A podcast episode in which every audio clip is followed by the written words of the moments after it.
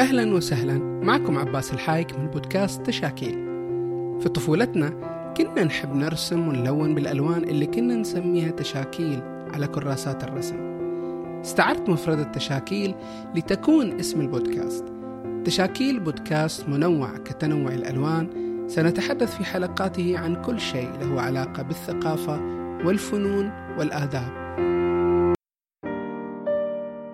في حياتنا الواقعية قد نواجه اشخاصا يميلون دائما للانتقاد ينتقدون كل موقف كل سلوك كل كلام وحين نقول أنهم ينتقدون فهم على الأعم يميلون للتركيز على السلبيات وتضخيمها وقد يكون مرد انتقادهم مواقف ذاتية بعيدة عن الحياد. هؤلاء ينتقدون طريقة كلامك ملابسك اختياراتك للألوان نوعية سيارتك ينتقدون اختيارك لتخصصك الجامعي أو وظيفتك، هم مهمتهم أن ينتقدوا الآخرين، لكنهم لا يتقبلون انتقاد الآخرين لهم، لأنهم بشر، وطبيعة البشر لا تتقبل الانتقاد، خاصة ذلك النوع المتكرر والدائم. والانتقاد حسب التعريف اللغوي هو عملية إظهار العيوب أو التنديد والتصريح بالعيوب، وهو رأي أو كلام معاد موجه إلى شخص ما. هؤلاء الميالون للانتقاد دائما هم أشخاص بطبيعتهم يشعرون بالنقص فيغذون هذا النقص بالانتقاد الدائم أو يشعرون بالأفضلية فينتقدون الآخرين لتعزيز تعاليهم وشعورهم بالأفضلية. فماذا يقول أطباء النفس عن هؤلاء؟ يجيب استشاري الأمراض النفسية الدكتور محمد آل حيان عن هذا الأمر. مو بالضرورة أن الانتقاد يكون نابع من مشكلة نفسية. حتى لو كان هذا الانتقاد دائم. آه، بمعنى أنه ممكن يكون انتقاد دائم لكن يكون بطريقة لائقة بأسلوب هادئ بلغة راقية. آه، وممكن أيضا يسلط الضوء على الجوانب الإيجابية فبالتالي يكون هذا النقد بناء في مقابل هذا النقد البناء في النقد الهادم أو النقد من أجل النقد فقط وهنا لا هذا الانتقاد يؤذي الآخرين باستخدام لغة قاسية باستخدام نبرة صوت عالية وحادة مثلا. في مثل هالحالة هذه راح يأثر بشكل سلبي على المتلقي. مثل هذا النقد وهذا بالفعل ممكن يكون نابع من مشكلة نفسية. وفي الغالب المشكلة النفسية تكون اضطراب في الشخصية بالنسبة للناقد.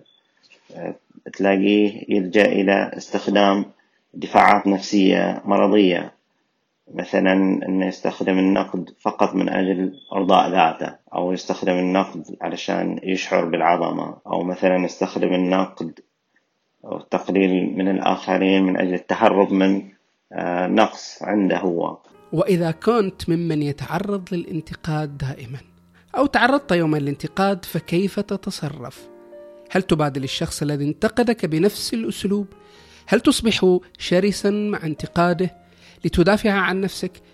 يقول خبير التطوير الذاتي ديل كارنيجي في كتابه كيف تكسب الأصدقاء وتؤثر في الناس بإمكان أي أحمق أن ينتقد ويدين ويشتكي لكن يلزمك التحكم في النفس. وما عليك سوى أن لا تستجيب لانتقاده وأن لا يخرجك عن طورك. ولا أن تغضب بل كن هادئا حتى لا تعطي الآخرين صورة سلبية عنك. لا تستجب بغضب لأن ذلك سيخلق ضجة ويخلف مشاعر سيئة وقد يعطي للآخرين صورة سيئة عنه. حاول أن تبقى هادئا وتعامل معه باحترام وتفهم. وحين تشعر أن الأمر سيكون خارج السيطرة غادر مكانك بهدوء واستجمع أفكارك. حتى لا يؤثر الأمر عليك على ثقتك في ذاتك على شخصيتك. قد يكون أسلوب الانتقاد جارحا وغير مريح لكن الأسوأ إن تسبب في سوء تقديرك لذاتك. فقط فكر في الكلام ربما تجد فيه بعض الإيجاب وإن كان الأسلوب جارحا. والانتقاد هذا يختلف عن النقد بمعناه المعرفي والأكاديمي ولكن ثمة خلط عند البعض للمعنيين. فيظن أن كل نقد هو انتقاد بمعناه المتداول فالنقد يعرفه قاموس إكسفورد بأنه التحليل والحكم على مزايا وإخفاقات العمل الأدبي أو الفني. وهذا المعنى قريب من المعنى العربي اللغوي لكلمة نقد فالمعاجم العربية تعرف النقد بأنه جاء من نقد الدراهم أي استخراج الزيف منها. وهذان المعنيان قريبان من المعنى الاصطلاحي للنقد فهو دراسة الأعمال الأدبية والفنية وتفسيرها وتحليلها وموازنتها بغيرها ثم الحكم عليها لبيان قيمتها ودرجتها. ويلخص الدكتور جميل حمداوي مفهوم النقد على أنه عملية وصفية تبدأ بعد عملية الإبداع مباشرة وتستهدف قراءة الأثر الأدبي ومقاربته قصد تبيان مواطن الجودة والرداءة. ويسمى الذي يمارس وظيفة مدارسة الإبداع ومحاكمته الناقد، لأنه يكشف ما هو صحيح وأصيل في النص الأدبي، ويميزه عما هو زائف ومصطنع. النقد ليس مختصا فقط بالنتاج الأدبي، بل أن كل أشكال الفنون والآداب يمكن أن تكون خاضعة للنقد. وخاضعة لمحاكمة الناقد فكما أن هناك نقد أدبي يقرأ القصيدة الشعرية والقصة هناك نقد فني يقرأ اللوحة التشكيلية والصورة الفوتوغرافية والمسرحية والفيلم وغيرها من فنون وهناك أيضا ما يسمى بالنقد الثقافي والنقد الاجتماعي وغيرها مما يندرج تحت مسمى النقد والسؤال هل نحن بحاجة لهذا العلم؟ لأن النقد هو علم بحد ذاته له نظرياته وأسسه ومعارفه هل نحتاج للنقد؟ يجيب على هذا السؤال الناقد المصري الدكتور أيمن بكر. أنا شخصيا أحب تعريف آه، جوناثان كالر, كالر للنقد بوصفه صيغة من صيغ إنتاج المعرفة. من هنا بتتحول العلاقة بين عملية النقد أيا كانت أدواتها وبين العمل الأدبي أو الفني إلى تفاعل يؤدي إلى إنتاج وعي مختلف بالنص وتطوير أدوات النقد نفسه والأهم إنه بيؤدي إلى إنتاج معرفة تطور وعينا بالعالم. النقد ليس فقط ملاحقة للنص الأدبي بغرض آه، إضاءة هذا النص وإنما هو صيغة كما قلت من صيغ إنتاج المعرفة. ولكل جمهور أو لكل مجال مما سبق جمهور طبعا يمكن أن يفيد منه. يقول الدكتور حمداوي عن أهمية النقد بأنه يقوم بوظيفة التقويم والتقييم ويميز مواطن الجمال ومواطن القبح. ويفرز الجودة من الرداءة والطبع من التكلف والتصنيع والتصنع. ويعرف النقد أيضا الكتاب والمبدعين بآخر نظريات الإبداع والنقد ومدارسه وتصوراته الفلسفية والفنية والجمالية. ويجلي لهم طرائق التجديد ويبعدهم عن التقليد. فكما يقوم المبدع بإنجاز إبداعه يقوم الناقد أيضا بتقييم هذا الإنجاز وتقويمه ويحاكمه وفق معايير وأسس. فالنص النقدي نص موازن للمنجز الإبداعي. الناقد يجب أن يمتلك بعض المواصفات المهمة التي تجعل من عمله أكثر صدقا وعمقا.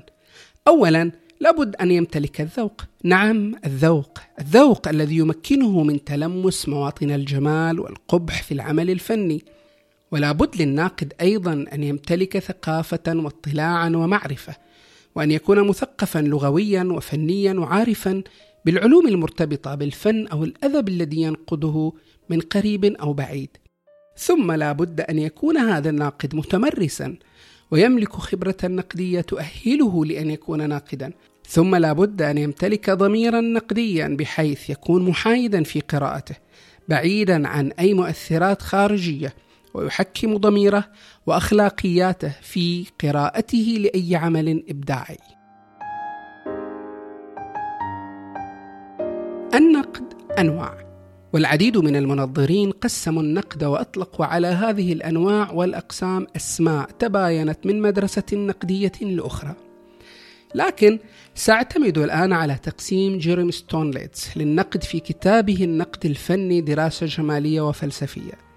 فالنقد عنده إما اولا نقد بواسطة القواعد حيث يقوم الناقد بتطبيق معايير وقواعد معينة لمعرفة وقياس جودة العمل.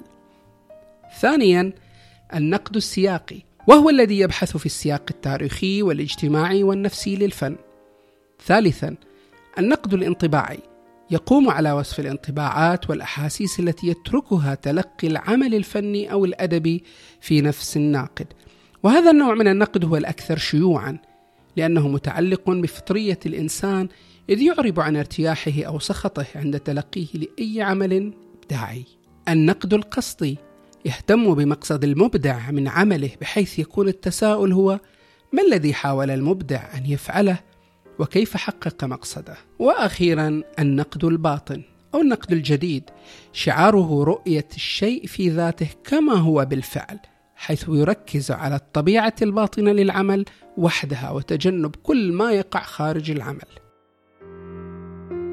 إذا تعرفنا على النقد مفهومه والحاجة إليه وأنواعه وعرفنا الفارق بينه وبين الانتقاد في معناه المتداول. ولكن ما يلاحظ هو أن لا الانتقاد ولا النقد يقع في دائرة رضا المبدعين فطبيعة الإنسان تميل إلى المدح. حيث أننا ننتظر دائما التصفيق والانطباع الجيد عما ننتجه من عمل ولا نميل أبدا لأي رأي سلبي تجاه ما نعمله. وسببه ما يشرحه الدكتور محمد آل حيان. أنا أن هذه فطرة عند الناس مجبولين على أنهم يحبوا يسمعوا المديح وبينما ما يرغبون يسمعوا الرأي السلبي عنهم. ولعله هذا الجانب حماية إلى الذات. لأن أنت ما تدري إلى وين رايح ممكن آه، هذا النقد أو الانتقاد. ممكن أنه يكون يعني إيجابي بمعنى أنه يكون نقد بناء وبالتالي ما يؤذيهم. في المقابل إنه ممكن يؤذيهم. ممكن يكون طاقة سلبية كبيرة آه، مدمرة إلى شخصيتهم خصوصا لما يكون في عمرية صغيرة. آه، ممكن تأثر واجد على ثقته بنفسه حتى الكبار. مع تكرار الانتقاد لهم آه، تقل ثقته بنفسه وأيضا ممكن تأثر على نظرته إلى نفسه ونظرته للعالم من حوله. ولنستمع لرأي ناقد أيضا فالمبدعون بطبيعتهم يتجنبون القراءات النقدية لأعمالهم. بل يبدو أنهم يضعون مصدات بينهم وبين ما يقدمه النقاد من قراءات. وهذا ما قاله الدكتور أيمن بكر في إجابته عن سؤال حول عدم ميل المبدعين للنقد. أه، يعني شخصيا لا أحسب أن المبدع المشغول بتطوير ما يكتب سيتجنب النقد النقد المخلص. بل على العكس يعني المبدع سيسعى إلى النقد. ربما في بعض الثقافات مثل الثقافات العربية يتحول النقد إلى سلاح بتستخدمه شلل ثقافية في عملية تكسير عظام مؤلمة فيما بينها. هنا نحن لا نتحدث عن ممارسات نقدية في الواقع بل نتحدث عن ممارسات سياسية لها أهداف أو هي صراعات سياسية لها أهداف ومكاسب بعينها ضمن المؤسسات الموجودة في المجتمع. يعني يتحول النقد من محاولة لإنتاج المعرفة زي ما أشرت ومحاولة لإنتاج المعنى أو لإنتاج وعي بجماليات الكتابة يتحول إلى أداة من أدوات الترقي السياسي لجماعات بعينها أو الحصول على مكاسب بعينها ضمن المجتمعات. هنا ممكن المبدع يهرب من النقد ولا يميل إليه. هذا الميل للمادح كان من أسباب القطيعة بين المبدع والناقد فكلام كثير أثير حول هذه العلاقة التصادمية بينهما. فلا المبدع راض عن الناقد ولا الناقد راض عن المبدع. فالناقد يقرأ المنجز ويكتب نصه النقدي. فيجد المبدع نفسه مع قراءة لا تنصفه لا تصفق له وتكيل المدح له ولمنجزه. فالشعور بالاكتمال هو ما يدفع المبدع لرفض القراءات النقدية التي لا يتسيدها المدح رغم أن العلاقة المفترضة بين المبدع والناقد هي علاقة تكاملية. فالمبدع ينجز والناقد يقيم وقراءة النقد تكون المحفز ليطور المبدع قدراته وأدواته ويقف على إخفاقاته. ومن بين ما يوجه للناقد من تهم في حساسية علاقته من المبدع أنه يغلب أهواءه الشخصية وقناعاته الأيديولوجية والسياسية في قراءته النقدية وفي حكمه على العمل الإبداعي وهي ما تجعله يحمل هذا العمل الإبداعي ما لا يحتمله حيث تبدو تفسيرات الناقد تسوقها قناعاته. فها هو الكاتب العالمي المعروف أرنست هيميغواي يوضح علاقته بالناقد في قوله إنه يشعر أن قدره وشأنه أكبر من زملائه الأدباء فيمنح لنفسه الحق في توجيه الأوامر لهم وحجته في ذلك أن الغاية تبرر الوسيلة فهو يهدم حين يتوجب البناء. ويبث الشك حين يتطلب تعزيز الثقة بالنفس والتشجيع وبث الأمل. والنقاد الذين وصلوا لمستوى معين من البلاغة يكونون أحيانا أسوأ القضاة وبإمكان الأبله منهم أن ينتقد جميع الأشياء والأشخاص. ولا يعي أن الحكمة تصنعها التجربة والذكاء يساعد على فهم الأشياء والأمور فهما سليما. انتهى كلام هيمنغوي ومما يوجه للناقد أيضا من قبل المبدع أن الناقد ليس له الحق في قراءة العمل الإبداعي وهو لم يجرب معاناة المبدع ولا يمكن أن تكون قراءته صادقة ما لم يجرب الإبداع. أذكر مرة أن أحد المسرحيين أصدقائي ممن يبدي شراسة ضد أي رأي نقدي مرة قال لا يحق لناقد أن يكتب عن عرض مسرحي وهو لم يعرق جبينه على خشبة مسرح ولم يذق طعم مرارة تعب الممثلين. يشبه كلام صديقي المسرحي كلام الروائيين والشعراء والتشكيليين وغيرهم حول الناقد. فدائما ما يرددون كيف لناقد رواية أن ينقد رواية وهو لم يكتب رواية واحدة. ولم يكتب ناقد الشعر قصيدة واحدة ولم يرسم ناقد التشكيل لوحة. ولم يخرج ناقد السينما فيلما. فهل من الضروري أن يمارس الناقد العمل الإبداعي؟ ليكون له الحق في نقد هذا الحقل الإبداعي الدكتور أيمن بكر يجيب. يعني أظن ظنا يصل حد الاعتقاد أن النقد هو في حد ذاته يجب أن يكون عملا إبداعيا. لأنه مجال قايم على الإبداع الفكري والعقلي وليس نصا على نص أو حاشية لإضاءة النصوص الإبداعية. النقد لا النقد ليس حاشية على النص الإبداعي إنما هو إبداع فكري وتطوير لمجال مستقل قائم بالأساس على الفلسفة. والناقد الذي بدأ مبدعا في مجال بعينه شعرا أو سردا آه، هو لم يفعل سوى تحويل مسار النهر الإبداعي لديه من مجال إلى مجال ليس أكثر.